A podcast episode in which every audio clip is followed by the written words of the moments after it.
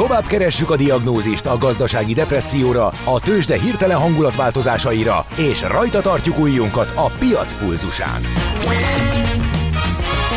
Folytatódik a millás reggeli, a gazdasági Muppet Show. Ezt most vegye be és nyugodjon meg! A millás reggeli főtámogatója az idén száz éves Magyar Nemzeti Bank.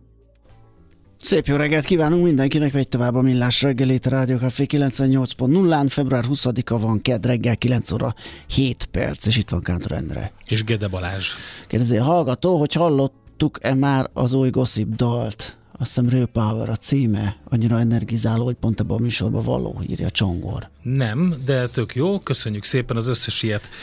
Megfogadjuk, megpróbáljuk meghallgatni és mindent elolvastam, jön a 0636 98 98 ra Hát Csodálatos. nem, megpróbáljuk mindent elolvasni. Ja igen, nem biztos, mert hogy én a Messenger-t mindig elfelejtem nézni, és elnézést kérek a kedves hallgatóktól, most gyorsan rá tekintek, igen. Um, ott is elolvastuk. Van, akinek nem tetszenek a műsorban a köztes elemek, mindenféle promóció, meg ehhez hasonló, hát a podcastet ajánlom, millásreggeli.hu, onnan minden ki van szedve, mondjuk a zene is, de ettől függetlenül akkor csak a tartalom jöhet. Az asztmás allergiás szénanátás sokszor ugyanaz a személy. Így az egyszerű összeadás a betegszám esetében véletlenül pontatlan, így a kedves hallható. Szerintem, Igen, szerintem, elképzelhető.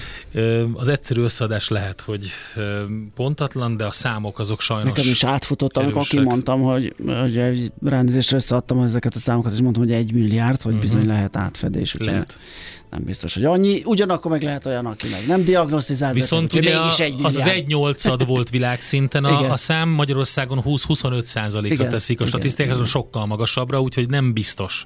Tehát én, én azt gondolom, hogy itt hogy itt az még egy, az egy alsó becslés, az egy nyolcad, amit világszinten néztél. Így van. Nos, jöjjön a... Mesél a múlt. A történelem ismétli önmagát, mi pedig a történelmet. Érdekességek, évfordulók, események. Azt hiszed, külön vagy, mint dédapáid? Majd kiderül. Mesél a múlt. A millás reggeli történelmi rovata. Egy kicsit filmes is, itt van velünk Katona Csaba, szervusz, jó reggel! Jó reggelt kívánok! Szia, jó reggelt! Tegnap volt a születésének évfordulója Lee Marvinnak, aki aki pont száz éves lenne február, lett volna február 19-én, és hát itt egy csomó mindent elmondtam a bevezetőbe róla, vagy legalábbis próbáltam így a karaktert megfogni, aki volt ő, de hát akkor nézzük Lee Marvint. Hát szerintem mi véletlenül izgalmas figuráról beszélünk, azzal együtt, hogy kétszer is sikerült ő beskotolyázni különféle filmes szerepekbe, vagy ifjabb korában a rossz fiúk szerepét vitte előszeretettel, Igen. majd erről fogunk beszélni. A másik pedig természetesen a kemény, egyszerű, puritán, ugyanakkor végtelenül becsületes idealizált katonának a figurája, ami leginkább ugye a Dirty Dozenből, tehát a Piszkos 12-ből ragadt ránk Reisman őr nagy szerepéből. Nem véletlen egyébként, hogy ezeket a kemény szerepeket kapta. Maradjunk annyiban, hogy azon kevés színész egyik, aki valóban szolgált a fronton, és nem is akárhogy szolgált a fronton. Ugye a születés éve 1924, ebből következően az Egyesült Államok polgáraként részt vett a második világháborúban, de ne szaladjunk ennyire előre, kezdjük a nevével. Ja, maga a Marvin család a 17. századi puritánok közé tartozik, tehát egy Matthew Marvin nevű úriember 1635-ben egyebek mellett komoly szerepet játszott a Egyesült Államok korai történetében, és az édesapja az ő egyenesági leszármazottja volt, ebből következően Lee Marvin is az ő egyenesági leszármazottja volt ami azt mutatja, hogy hát ha Amerikában valaki vissza tudja vezetni 300 évre a családfát, az nem számít kevésnek, lássuk be Európába se. Igen. Ez ilyen tejfőszőke, hamar őszülő, nagyon ilyen piros posgás ábrázatú, kékszemű, ez az ilyen angol száz protestáns minta. Valami ilyen helyen kell kopargálnunk, igen, és, és innen jött ő is, azzal együtt, hogy egyébként nála viszont sötétebb hajszín dominált fiatalabb korában, viszont ah. nagyon hamar ősztelülni kezdett. Tehát nem emlékszem rá, hogy bárki fel tudná idézni a nem őszhajú Limárvin alakját. Aha, igen, ez nehéz. Mert uh, ugye elég fiatalon megáll beállt ebbe a karakterbe. Egyébként az a típusú színész volt, aki olyan a 30-as évei végén, 40-es évei elején ugyanúgy nézett ki, mint a halálakor 60 fölött. Tehát egész egyszerűen egy, egy stabilizálódott az állapota, és ez segített ezt a karaktert tovább gördíteni, amiről beszéltünk. Na de születéséről talán még annyit, hogy nem volt egy mint gyerek, voltak vele problémák az iskolában, és a nevéről érdemes még egy picit megemlékezni. Nevezetesen ez a Lee név, ez nem másra utal vissza, mint Lee tábornokra, a konfederációs seregek vezetőjére. Mert hogy vele is rokonságban volt a család, és ezért aztán így esett, hogy a bátyját Robertnek keresztelték őt, meg Lee-nek, és akkor hát Robert Lee így testesült meg ismételten. Ugye ő volt az a hadvezér, akit még a másik oldalról is tiszteltek, ezt ne felejtsük el egy másodpercig sem, mielőtt még valami veszett rasszistákat kezdünk el gyanítani ott a Márvin család felmenőinél. Na nem is zárom ki ezt a lehetőséget, de nem is állítom. De maradjunk annyiban, hogy volt egy tisztelet Robert Hát mondjuk azt, hogy New Yorkban született, és utána Tucsonba, Arizonába vonult vissza, később az valamiféle ilyen valamit elmond erről, a, erről az egész hagyatékról. És azért tegyük rögtön hozzá, hogy egyébként elkötelezett demokrata volt, és e, például a 60-as években felszólalta a homoszexuálisok jogaiért, ami abban az időben azért nem volt még annyira mondjuk úgy, hogy elfogadott történet. Meglehetősen önfejű figuráról beszélünk, és az önfejű figura, aki leginkább vadászattal, meg különféle alkoholokkal, meg egyebekkel, meg bulizással szeretett tölteni az ifjú korát, hát egy éles váltással a frontra került, és konkrétan a japán fronton kellett harcolnia. Amennyire tudom, két alkalommal is megsebesült, egyszer az ülőidegét találták el, ezt most megpróbáltam kultúráltan körülírni, egyszer pedig a lábába kapott, de egyébként mesterlövészként szolgált, és kapott bíbor szívet azt hiszem kétszer. Hát sőt, ez nagyon komoly sztori róla, hogy Iwo Jima ellen vezényelték a szakaszát, és nagyjából mindenki meghalt, ő ö, túlélte, és az a, ez a bíbor szív kitüntetés az innen jött. És ugye sebesülten élte túl, valóban szinte az egész szakasz ott maradt, több mint 20 bevetésben vett részt, tehát elég keményen végighorcolta a háborút, és aztán később ő is elmondta, hogy egyebek mellett ez segítette az ő filmes karrierjét részben, hiszen nem csak el tudta játszani azt a fajta katonát, akit ő idealizált katonának tartott, és mindig el is mondta, hogy ő úgy igyekezett megjeleníteni Reisman őrmestert is, hogy, hogy ő ilyennek képzelte el az ideális vezetőt, amit ő látni akart hogy tudja, hogy kemény, de következetes, és ha kell, akkor a katonáiért tűzbe megy. Ez az egyik, ami az előnyire szolgált neki itt a karakterszerepeknél. A másik pedig azt ne felejtsük el, hogy tudott segíteni abban a színésztársainak, akik ugye nem járták meg feltétlenül a frontot, főleg ahogy megyünk előre az időbe, hogy segített nekik a gesztusokba, a mozdulatokba, a slangbe, mindenbe, tehát hozta magával azt a frontapasztalatot, amit tényleg a színészetben is remekül lehetett alkalmazni. De hát ez még önmagában nem garantálta volna azt, hogy belőle színész lesz, de mégis az lett, és hát a háború után, amit leszerelt, ugye sebesültem, valamivel meg kellett élnie, különféle alkalmi munkákból élt, de egyszer beugrott valami cimborája helyett egy ilyen mellékszerepre. És hát elég jól csinálta. És felfigyeltek rá, hogy ez az ember ez egy elég karakteres figura, karakteres a hangja, karakteres a megjelenése, és hát a rossz fiú szerepekbe kezdett tündökölni. Én ezek közül most így kapásból kettőt emelnék ki, mindjárt mondom a filmnek a pontos címét. A, ugye az egyik az a... A Brandós film. A Brandós mindenképp, igen. A, a vad. Ugye, a vad, ugye, a, igen, a The Wild One. Ez az a film, ahol ugye Marlon Brand, ez, ez a film az 50-es években készült, 50-es évek elején, 51, 52, 53 valahogy ilyen tájba és Marlon Brando benne a pozitív fő, és Marlon Brando lett nehéz villogni, ezt azért ismerjük el. Hát itt se a jó fiú szerepét osztották le Lee Ebből a filmből is van egy csomó olyan felvétel, fekete-fehér filmről van szó, ami ilyen a motoros bandáknak a kegyetlenkedéseiről szól. Ugye valami, valamiféle ilyen, ennek a szubkultúrának volt egy ilyen erőteljes felívelése.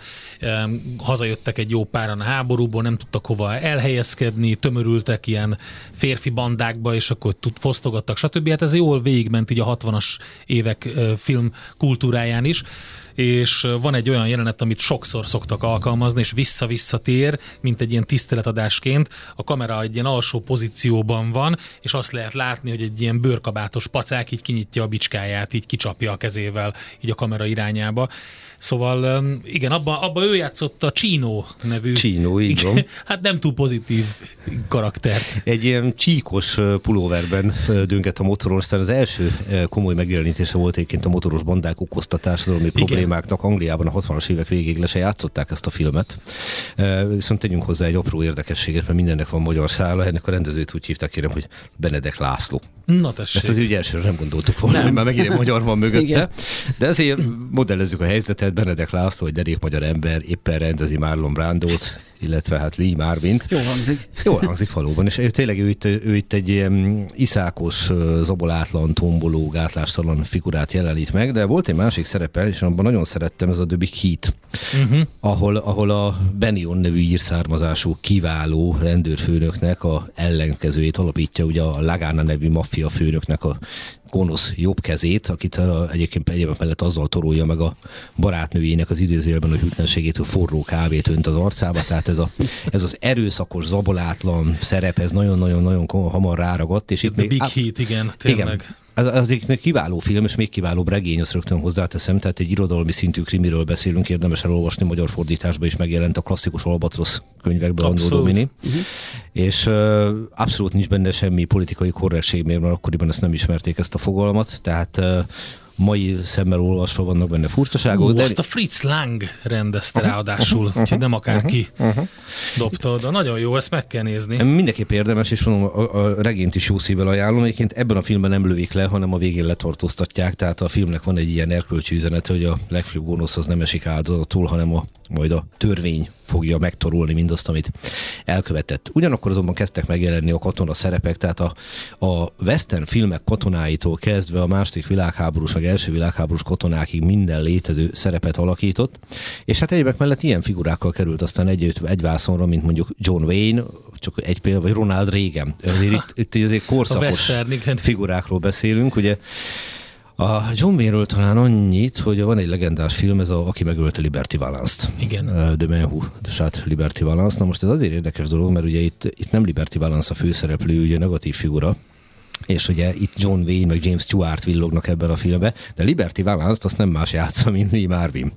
És már megint egy, tényleg egy ilyen démonian gonosz figurát, egy igazi, egy ilyen, egy ilyen teljesen gátlástalan mindent és mindenkit terrorizáló ürgét, és ugye azért ez a címe a filmnek, mert a pozitív főhős az, aki, akit senki nem gondolna, James Stewart lelőtte Liberty Valance-t de lelőtte.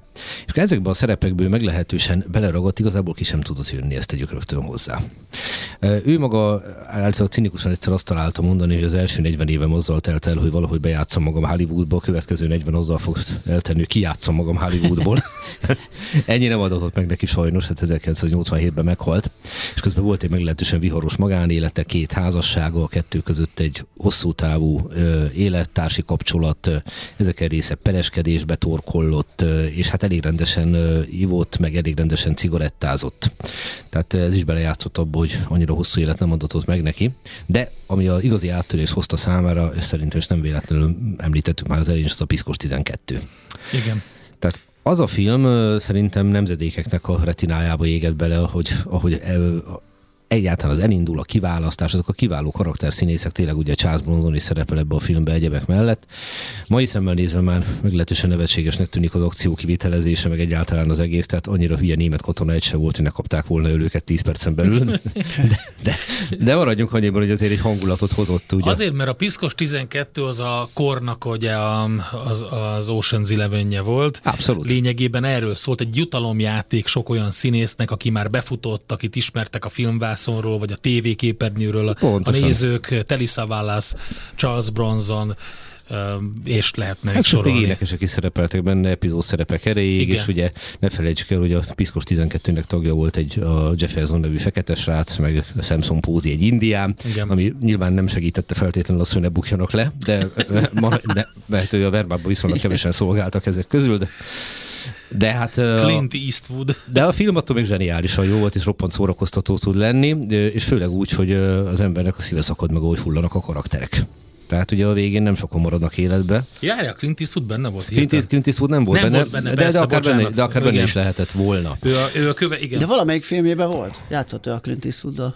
Lehet. A, lehet, húj, most így fejből nem mondom meg. A Clint Eastwood az annyira erősen belé, belé véget, ugye a, a Kelly hősei és a és különböző... Igen. És a különböző a, Chuck norris biztos, mert a Delta kommandóban... Delta a, az majdnem, hogy az egyik utolsó. Az utolsó, az utolsó Igen. szerintem. Delta Force. Illetve amíg a bronzont, ha már szóba hoztuk, készült még egy film talán 81-82 körül, ahol Charles Bronson játsza az üldözött, kemény, vadnyugati férfit. Ez a 30-as években játszódik, tehát egy ilyen kései western, Igen. és akkor azok a rangerök, akik a nyomába erednek, ott azoknak a vezetője nem más, mint Lee Marvin, és kicsit így a szökevére hajaz a történet, mert a végén rádöbben, hogy hát lehet, hogy ez a derékember mindenkit lelőtt, de igazából mindenki megérdemelte. Hm. Megvan már, a Donald Sutherland kevertem hirtelen, ah, ugye, aha. mert ő meg a Kelly hőseiben együtt játszott így, a Clint Eastwood. Hát a Donald Sutherland szegény a első áldozatok egyike, ez nagyon szomorú, amikor őt, őt is leszedik, mert nem beszél Viktor Franco haláláról, ha már szóban, de amikor ugye már menekülnek, és már majdnem mindenki megúszza. Rögtön hozzáteszem, hogy a film azért nem mindenkit szedett le e, olyan értelemben, hogy jó néhány karakternek például az indián Samson Pózinak a sorsa az kérdéses maradt, tehát ott nem foglaltak állást. Na és hát ebben a filmben is Charles Bronzonnal játszik. Ha valamit a hibájául róhatok föl Lee Marvinnak az igazából az, hogy elvállalta a Piszkos 12 folytatását. Hát igen. Ez, Jó. Ezeket nem feltétlen kellett volna, Igen. maradjunk annyiban. Ezt nehéz megítélni.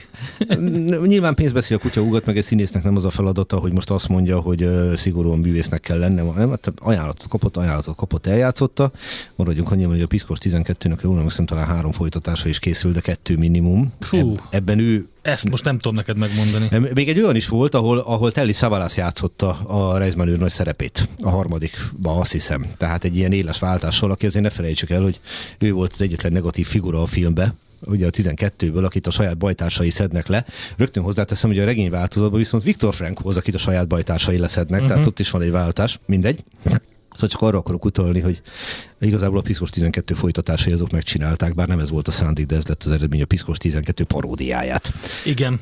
Igen, igen, igen. És igen. hogy még egy, na hát akkor már menjünk ebbe bele, a Piszkos 12, nem tudom, hanyadik részében szerepelt az a Sonny Landham, aki pedig a Billit játszotta a Predatorban, a ragadozóban. És ott egy Six Killer nevű indiánt játszik benne természetesen mi mást, aki hát feláldozza magát a bajtársaiért, és ő is ott egy, egy ilyen börtönből kihozott kemény fiút alakít. Sajnálatos módon nem éli túl a csatát. Mint hogy nem élte túl a Predatorba sem. Na visszatérve Marvinnak a pályájára. Egyébként a, Becstelen Brigantik azért érdekes ebből a szempontból, mert a, csináltak egy, egy olasz, lényegében olasz verziót, ami a, a Piszkos 12-nek egy ilyen laza átirata volt, annak volt az eredeti címe az Inglorious Bastards, és azt dolgozta át a Tarantino a saját stílusában teljesen máshogy természetesen. Úgyhogy ilyen utóélete is van ennek a filmnek. Hát nem láttam az eredeti olasz filmet, de megpróbáltam elképzelni. Aha, 12 fős olasz katonát. az, az egy más, egy kicsit, az igen, igen, a nagy zabálás egy kicsit más, hogy... Uno cappuccino, tehát na minden most ebben nem menjünk bele.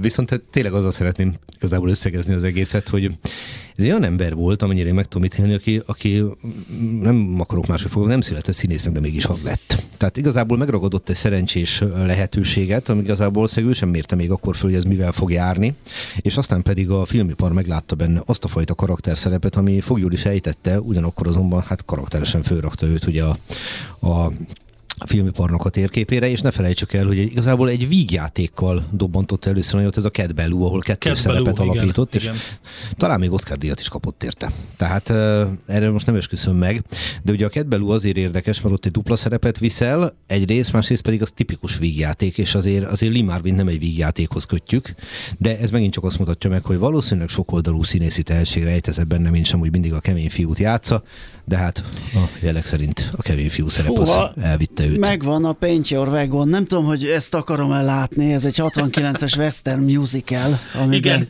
amiben Clint eastwood együtt játszott. Uh, mm, ez... Pénz beszél a kutya Igen. Most mit mondjak, ha én fel annyi pénzt kapnék egy szerepét, mint amit neki ajánlottak, én is kimennék a, Lehet, hogy egy zenés táncosban viszont látnám. A Cat Ballou az Golden Globe-ot hozott neki, Golden és, és, a, és a, a BAFTA-t, és az Academy, tehát megkapta az Oscar-t is akkor, úgyhogy uh-huh. ott mindent hozott a, a Cat Ballou szerep. Én még 67-ből emelnék ki, a, pont a, a, a Piszkos 12 évében jelent meg a Point Blank. Annak nem nagyon találtam magyar verzióját, de ezt mindenkinek ajánlom. Maga a rendező, John Borman is egy klasszikus rendező, iskolából származik, maga a film pedig egyszerűen csodálatos. Fényképészet, sztori mesélés minden szempontjából, zene, ugye abban, abban aztán tényleg magát alakítja ezt, ezt a kicsit ilyen felemás, de inkább jó tiszta lelkű pacákot, aki viszont kőkemény a Volker szerepében tűnik fel. Erről mindig az a magát alakítjáról mindig az anekdota jut az eszembe, az azt hiszem talán Frank sinatra mondták, hogy egyszer egy cameo szerepbe beugrott három perc a filmbe, és valami rajongója mondta neki, hogy mester, én imádom magát, de a legutóbbi filmben az a Himself nevű színész az nem tudta jól hozni az ön karakterét. Igen, hát de neki nem sikerült. Hát tök jó, hogy ezt mind elmondtad.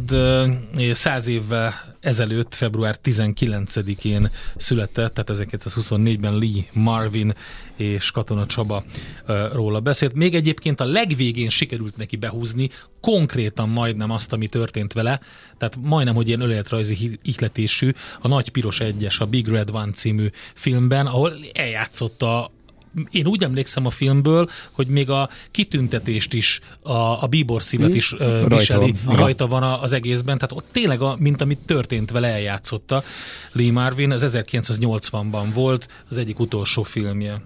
És 1987-ben hunyt el, tehát ha meggondoljuk, alig-alig élt túl a 60. életévét, nyilván ebbe belejátszottak a öröklött tulajdonsága is, de az életvitele is. Ne vitassuk el. Lee Marvinra emlékeztünk Tát Katona Csabával. Köszönjük szépen! Én köszönöm a figyelmet, sziasztok! Szia! Mesél a múlt. Történelmi érdekességek, sorsok, életutak a millás reggeliben. És akkor jöjjön egy olyan zene, ami a Playing for Change projekt keretében valósult meg.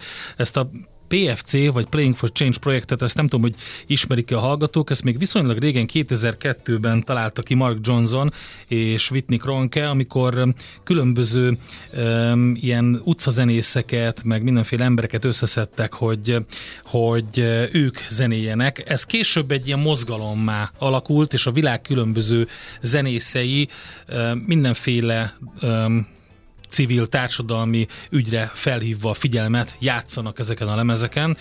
Van, amikor feldolgoznak ismert számokat, van, amikor saját szerzeményeket, de inkább a feldolgozása jellemző. Következzen tehát a Rolling Stones nagy sikerű száma a Playing for Change lemezről. Tőzsdei és pénzügyi hírek első kézből a Rádiókafén, az Equilor befektetési ZRT-től. Equilor, 1990 óta a befektetések szakértője. Itt van velünk a telefon túlsó végén, illetve a vonal túlsó végén Deák Dávid üzletkötő. Szia, jó reggelt! Sziasztok, jó reggelt, üdvözlöm a hallgatókat! Na, ö, hogyan folytatódik ez a hét? Ugye beszámoltunk róla, hogy a tegnapi napon egy 3-4 körüli bukszemelkedés volt. Folyt, megy ez tovább fölfele? Nem, nem, semmi nem történik egyenlőre a budapesti értéktőzsdén, 9 pont mínuszban van a Bux Index. Uh, 65.990 ponton állunk ebben a pillanatban, forgalom is még nagyon-nagyon alacsony, 519 millió forint. Ugye tegnap az Egyesült Államokban kereskedési szűnnap Igen. volt, nagyon alacsony volt a forgalom az európai bőrzéken is, és úgy látszik, hogy még nem érkezett meg a forgalom ide haza sem, és nagyjából Európában is azért az átlagnál alacsonyabb forgalomokat láthatunk az átlagnál alacsonyabb mozgásoknál, úgyhogy mondhatni, hogy mi mindenki talán a, az amerikai kereskedési nyitást várja, hiszen ugye sem forgalmak, sem mozgások. Így van, uh-huh. nincsenek. Egyedül a, a második vonalas részvényekben látok idézőlesen nagyobb mozgást, hogy Cikk Pannonia és Delta is ilyen mínusz 3% körül áll a reggeli kereskedésben. Cikk Pannonia 320 forint, még a Delta részvénye 36 forint. Hát nagyon-nagyon alacsony forgalommal lehet itt valaki reggel úgy gondolta, hogy most kellene kitárazni, és ez letolta a részvényeket. De a blue chip közül egyébként nagyjából mondhatni, hogy iránykereséssel indul a nap OTP 17.225 forint, ez egy 2 os mínusz, a MOL gyakorlatilag alig mozog 2966 forint, ez egy 2 forintos csökkenés, és a Richter és a Telekom egy pici emelkedés mutat 9805 és 790 forinton állnak a blue chipeink a reggeli kereskedésben, úgyhogy hát várjuk, hogy valami történjen a piacon. A forint piacon történik-e bármi? Mert hogy... Nem különösebben. Nem, ugye? Azt láttuk, hogy a nyitásban volt egy kis gyengülés, de az a gyengülés nem egyéb, mint a tegnapi minimális erősödést adta vissza, tehát tulajdonképpen ott toporog egy helyben a 389 környékén továbbra is az euró? Abszolút, gyakorlatilag Aha. ilyen 0,3%-on belül, 0,4-en belül mozgunk az elmúlt ma is, meg a tegnapi kereskedési napban, és ebben a pillanatban egyébként egy euróért 389 forint 35 fillért, egy dollárért pedig 361 forint 45 fillért kell fizetni a bankközi devizapiacon, és hát ma egyébként nagyon fontos adatra sem várunk, még lesz kanadai infláció fél háromkor, de talán nem ez fogja a világ nagyobb piacait megmozdítani, Úgyhogy hát az amerikai nyitásra lehet, hogy jön valami kis mozgás, hanem akkor már valószínűleg csak a holnapi nap indul el tényleg ez a hét. És ez a... rövid is lesz akkor, nem? Mert úgy hát így igen. szépen lassan beindul Még szerdán. mire ma igen. az USA kinyit arra, mi holnap reagálunk, az már szerda, tehát igen egy fél hét lesz. Igen, nagyon-nagyon-nagyon mutatja egyébként a piac, hogy az Egyesült Államok még mindig nagyon dominálja a pénz- és tőkepiacokat. Gyakorlatilag, ha amerikai szünnap van, az európai piacok sem mutatnak semmilyen irányt, úgyhogy nagyon várja mindenki, hogy okay. az amerikai piac nyitva legyen. Vi, várjuk mi is, köszönjük szépen, akkor jó kereskedést azért Szép addigra napot. is. Köszi. Minden jót, sziasztok! Szia, szia. Deák Dávid üzletkötő számolt be a tőzsdenyítás részleteiről. Tőzsdei és pénzügyi híreket hallottatok a Rádiókafén az Equilor befektetési ZRT-től. Equilor, 1990 óta a befektetések szakértője. A kultúra, befektetés önmagunkba. A hozam, előrevívő gondolatok. Könyv, film, színház, kiállítás, műtárgy, zene. Ha a bankszámlád mellett a lelked és szürke állományod is építeni szeretnéd. Kultmogul. A millás reggeli műfajokon és zsánereken átívelő kulturális hozamgeneráló rovata következik. Na hát arról beszélgettünk, arról a dokumentumfilmről, amit most úgy tűnik, hogy újra a mozivászonra is visznek Magyarországon is. A Navalnyi dokumentumfilm, ugye február 16-án, ugye ez a hivatalos, de lehet, hogy már korábban elhunyt a legismertebb orosz ellenzéki politikus, Putyin egykori legesélyesebb kívója Alexei Navalnyi. Magáról a dokumentumfilmről Dudás Viktor filmszakértővel ejtünk pár szót. Szervusz, jó reggelt! Jó reggelt! Szia, jó reggelt! a hallgatókat! Ez az a film, amit ugye az HBO Max, a CNN és még nem tudom kicsoda közösen gyártott, Belinket és uh, Oscar díjjal is jutalmazták. Uh, igen, uh, kicsit menjünk az elejére vissza, tehát ugye Daniel Noel rendező ugye 2020-ban forgatta ezt a filmet, és ugye akkor dolgozott uh, együtt uh, Navalnyjal, aki ugye akkor azon a bizonyos mérgezést követően ugye Németországba került, és ugye ott regenerálódott, és próbált megerősödni, hogy visszatérhessen a hazájába. És aztán ez a film 2022. januárjában a Sundance Fesztiválon gyakorlatilag meglepetésszerűen, meg igazán az előzetes programban, ugye emlékszem, hogy nem volt benne, került a nézők elé, ahol rögtön a közönség díjat megkapta és gyakorlatilag innentől indult aztán az a világhírű útja a filmnek, amit tulajdonképpen mondhatjuk, hogy megérdemelt a témaválasztás sokán, mert ugye a Sundance követően ugye a Producer Guilds of America is az év legjobb dokumentumfilmjének választotta a BAFTA is, és aztán ugye az Oscar-t is megkapta. Ugye, ahogy említetted, ez a CNN tévécsatornának gyakorlatilag az első olyan produkciója volt, amely az Oscar díjat megérdemelte, tehát a CNN első Oscar díjas filmjéről beszélünk. Korábban egyébként a CNN-nek már volt egy próbálkozása az Oscarral, és akkor a jelölésig el is jutottak 2018-ban az RBG című filmjükkel, ugye, ami Ruth Bader Ginsburgről, uh-huh. az USA legfelsőbb bíróság bírájának az életéről szólt, de akkor nem jártak sikerrel, viszont ez a film ez Oscar díjat is hozott nekik. Um, az, hogy egy uh, ilyen filmet újra mozivászonra visznek, a, ami egyébként elérhető a magyarországi streamingben is, az, az nagyon érdekes szerintem. Um, vannak ilyenek egyébként? Vagy, vagy ez egyértelműen ilyen kiállás, egy ilyen statement? Nyilvánvalóan ez egy kiállás és egy statement is, meg azt kell, hogy mondjuk azért, hogy azért ez szerintem részben üzleti uh-huh. fogás is. Tehát ugye az, hogy most érkezik a jövő héten a mozikba a Dűne 2, Igen. és úgy a Dűne első részét most visszaviszik a mozikba, hogy, hogy újra felfrissítsd a nagyvászon az élményt, amit aztán majd utána a második rész befogadásánál vérhetően megkönnyíti majd neked is nézőként a nézői élményt, vagy kiegészíti a nézői élményt ez azt gondolom, hogy üzleti döntés is, de nyilvánvalóan az, hogy a, a moziban, hogyha valami filmet vetítenek, azért azt mindig azt lehet mondani, hogy a, hogy a reklámértéke és a, a közbeszédbe való visszajutása a, a filmnek, az mindenféleképpen szélesebb skálán tud mozogni. Mert ugye így például a moziba, ha visszakerül, és mondjuk a moziban ugye most már a, a digitális plakáthelyeken mondjuk feltűnik a filmnek a plakátja, akkor mondjuk olyan emberekhez is eljuthat a film, és a filmnek talán az üzenete, amely, amely olyan nézők, akik egyébként a, a hírekből nem biztos, hogy értesülnének a sajnálatos eseményekről. Um, nem tudom, te mikor láttad ezt a filmet? Hát nyilván, amikor megjelent és először adásba került az HBO Maxon, akkor láttam én is, és hát valóban egy nagyon-nagyon megrázó film.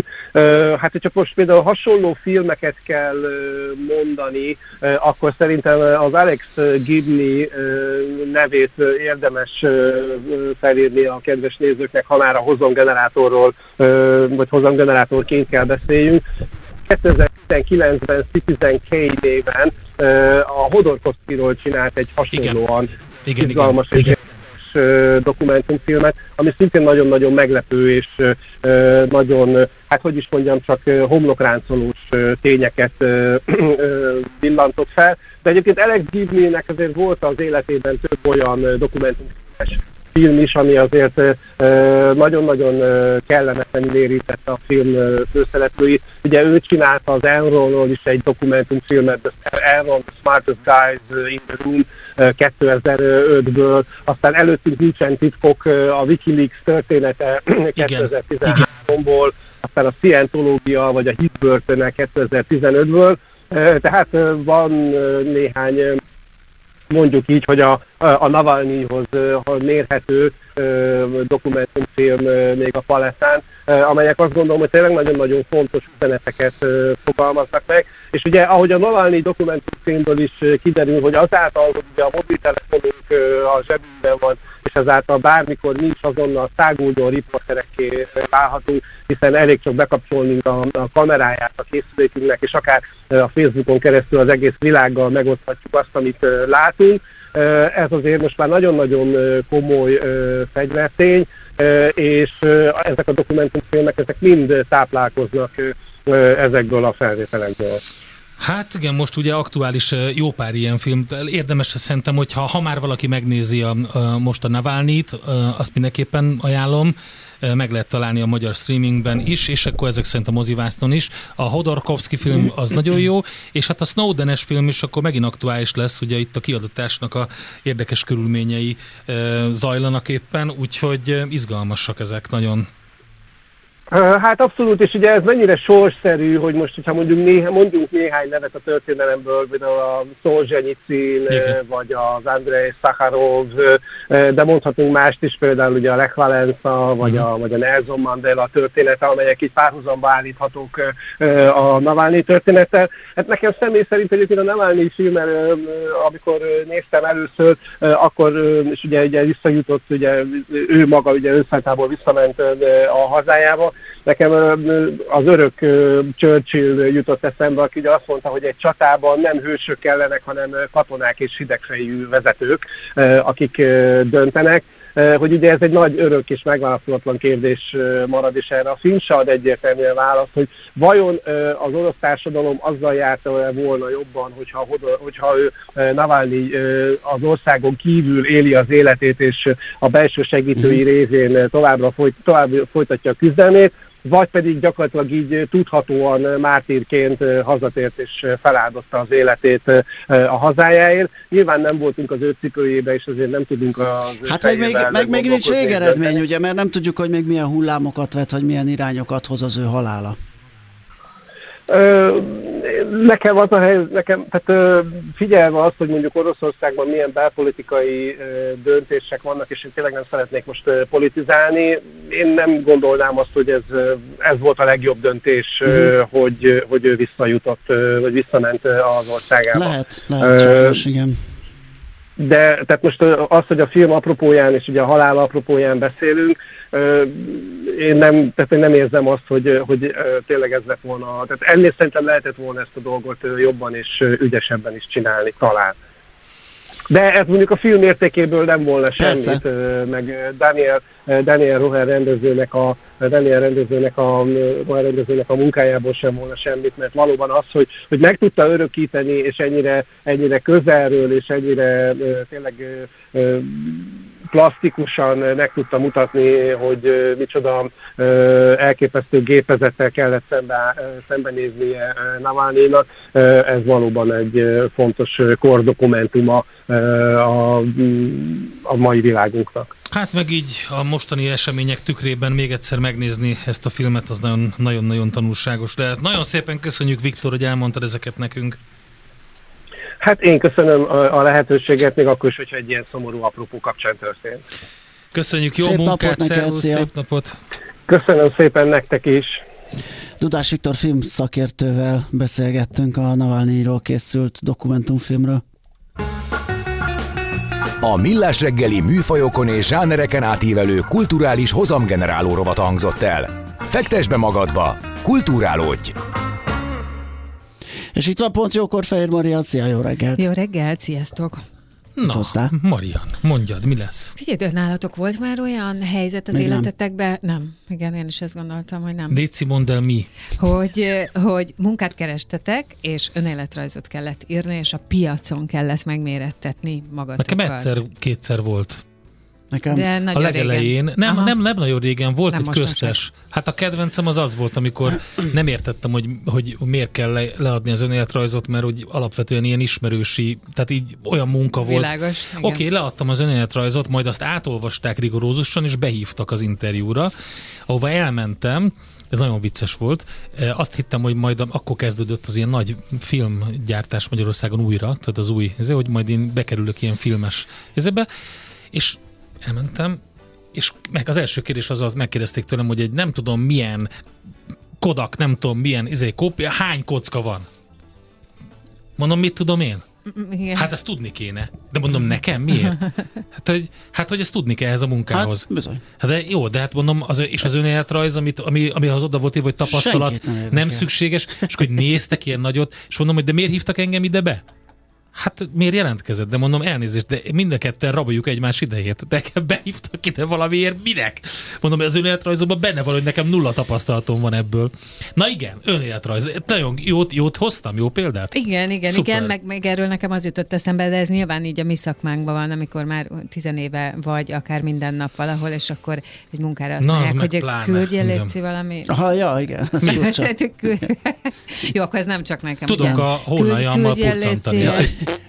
Azt én is, igen. Léci valami Különleges képesség rubrikába beírhatod. Igen, igen. Na, szóval, mert hogy ö, a Pontjokornak a vendége Barta Krisztina fejvadász lesz, és most úgy döntöttem, hogy az egész ö, műsoron átível a vele való beszélgetés. Ki ez a kávésbögre itt? Katona Csobái. Jó.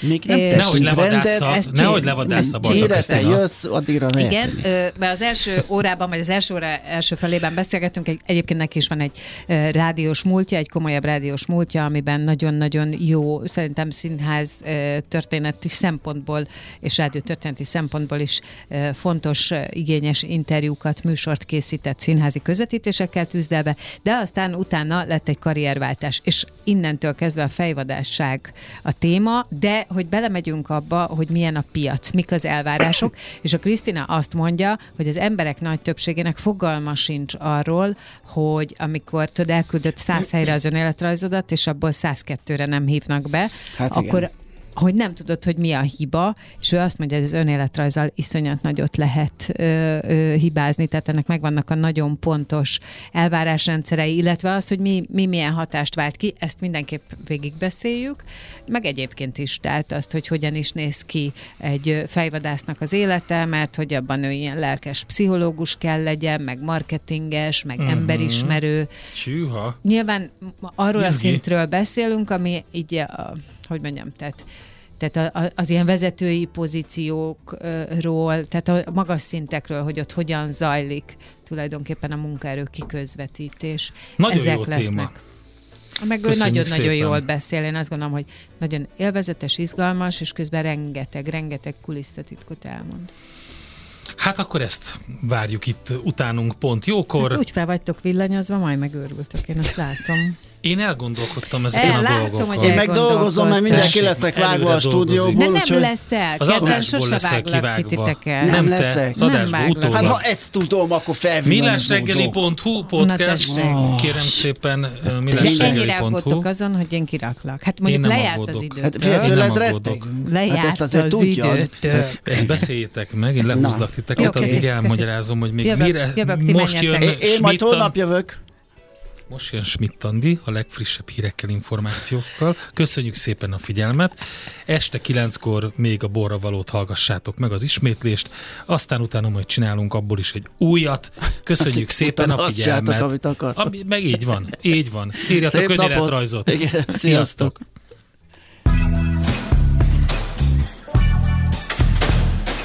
Már a véget ért ugyan a műszak, az ügyelet azonban mindig tart. A sürgősségi és félig zárt osztályon holnap reggel újra megtöltjük a kávésbögréket, és felvesszük a piaci stetoszkópot. Addig is keressetek minket közösségi rendelőnkben a Facebookon, a mai adás podcastjét pedig a rádiókafé98.hu és millásreggeli.hu oldalakon, a Spotify-on és a Google Podcast-en. Millás reggeli. A Rádiókafé gazdasági Show-ja. Két dologban bízhatsz. Az egyik mi vagyunk. A Millás reggeli főtámogatója az idén száz éves Magyar Nemzeti Bank.